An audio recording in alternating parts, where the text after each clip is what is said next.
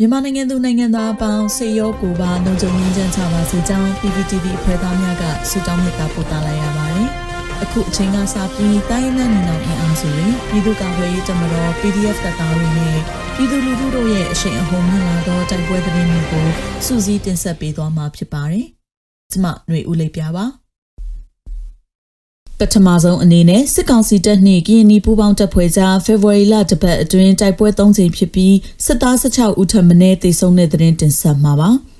ကရင်နီပြည်နယ်လွိုက်ကော်မြို့နယ်အတွင်းစစ်ကောင်စီတပ်နှင့်ကရင်နီပူးပေါင်းတပ်ဖွဲ့ကြားဖေဖော်ဝါရီလ၄ရက်နေ့9ရက်နေ့ညတွင်တိုက်ပွဲ၃ချိန်ဖြစ်ပွားပြီးစစ်သား16ဦးသေဆုံးကအများအပြားဒဏ်ရာရကြောင်းကရင်နီအမျိုးသားများကာကွယ်ရေးတပ်ဖွဲ့ KNDF ကသတင်းထုတ်ပြန်ပါတယ်။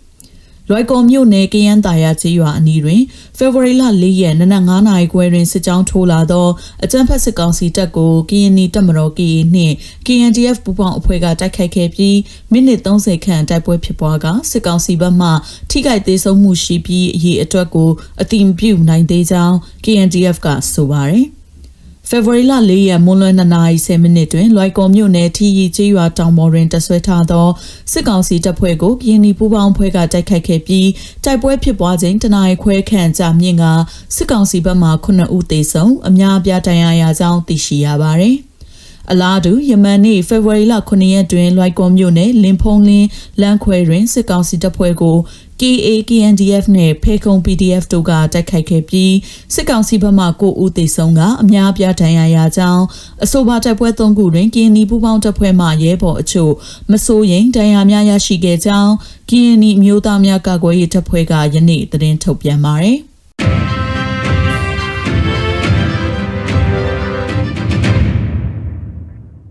ဆက်လက်တင်ဆက်ပေးမှာကတော့ကော်တူးလေနယ်မြေတွင်ဇန်နဝါရီလအတွင်းတိုက်ပွဲ435ချင်းဖြစ်ပွားခဲ့ပြီးစစ်ကောင်စီတပ်နှင့် PGF ဘက်မှ399ဦးသေဆုံးပြီး KNL ရဲဘော်9ဦးကြာဆုံးတဲ့တဲ့မှာ2022ခုနှစ်ဇန်နဝါရီလအတွင်းအကြမ်းဖက်စစ်ကောင်စီတပ် PGF ပူးပေါင်းတပ်ဖွဲ့များနဲ့ KNL KNDO PDF ပူးပေါင်းတပ်ဖွဲ့များအကြားတိုက်ပွဲ435ချင်းဖြစ်ပွားခဲ့ပြီးစစ်ကောင်စီနှင့် BGF ဘက်မှ399ဦးသေဆုံးက KNL ပူးပေါင်းတပ်ဖွဲ့ဘက်မှရဲဘော်ကို9ဦးကြာဆုံးကြောင်းသတင်းရရှိပါရယ်တိုက်ပွဲ435ချိန်တွင်စစ်ကောင်စီတပ်နှင့် BGF ဘက်မှ339ဦးသေဆုံးက313ဦးဒဏ်ရာရကြောင်းနှင့် KNL KNTO PDF ပူးပေါင်းတပ်ဖွဲ့ဘက်မှ9ဦးကြာဆုံးက24ဦးဒဏ်ရာရကြောင်းကရင်မျိုးသားအစည်းအရုံးကသတင်းထုတ်ပြန်ပါတယ်။မူတရဖပွန်ခရိုင်နှင့်လေးကေကော့ဒေတာတွင်အကြမ်းဖက်စစ်ကောင်စီကလေကြောင်းမှတဆင်ပုံကျဲပစ်ခတ်တိုက်ခိုက်မှုကြောင့်အပြစ်မဲ့အရတားပြည်သူ12ဦးသေဆုံးက32ဦးဒဏ်ရာရခဲ့ပြီးနေအိမ်အချို့နှင့်ရာခင်းများထိခိုက်ပျက်စီးမှုများရှိခဲ့ပါတယ်။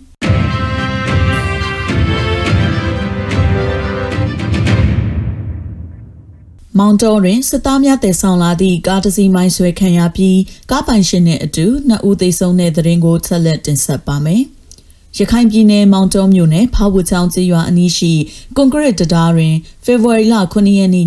7:15မိနစ်အချိန်ခန့်တွင်တီဘာကားအမျိုးအစားဖြင့်စစ်ကောင်စီတပ်သားများတည်ဆောင်လာသည့်ကားတစ်စီးမိုင်းဆွဲခံရ၍ကားပေါ်ပါလာသည့်ဒေသခံ2ဦးသေဆုံးသွားကြောင်းသိရှိရပါသည်။ မိုင်းဆွဲခံလိုက်ရသည့်ကားမှာကျိန်ချောင်းကျေးရွာမှဖားဝတ်ချောင်းကျေးရွာသို့မောင်းနှင်လာခြင်းတွင်မိုင်းဆွဲခံလိုက်ရခြင်းဖြစ်သည်ဟုလုံခြုံရေးအရာအမည်မဖော်လိုသည့်ဖားဝတ်ချောင်းကျေးရွာသားတဦးကပြောပါရယ်ရင်းအပြင်အဆိုပါကားမိုင်းဆွဲခံလိုက်ရပြီးနောက်နိုင်ခွဲခန့်လက်နက်ကြီးလက်နက်ငယ်ပစ်ခတ်သမျှကြောက်လိုက်ရသည်ဟုဖားဝတ်ချောင်းကျေးရွာသားများက Western News ကိုပြောပါရယ် ပြီးခဲ့သည့် February လ၄ရက်နေ့တိုက်ပွဲတွင်လည်းမြန်မာစစ်တပ်ကလက်ဦးမှုယူ၍ပြစ်ခတ်မှုကြောင့်ကင်းဆောင်နေသည့်ရခိုင်တပ်တော် AA ဘက်ကတတတူကြဆုံးခဲ့ကြောင်းပြောရေးဆိုခွင့်ရှိသူခိုင်တုခက Western News ကိုပြောဆိုထားပါတယ်။ရင်းအပြင်ပြီးခဲ့သည့် February လ6ရက်နေ့ကလည်းမောင်တုံမြို့နယ်မိတိုက်ကျေးရွာအနီးတွင်မြန်မာစစ်တပ်နှင့်ရခိုင်တပ်တော်တို့တိုက်ပွဲဖြစ်ပွားခဲ့ရာမြန်မာစစ်တပ်ဘက်မှ9ဦးသေဆုံးခဲ့တယ်လို့သိရှိရပါတယ်ရှင်။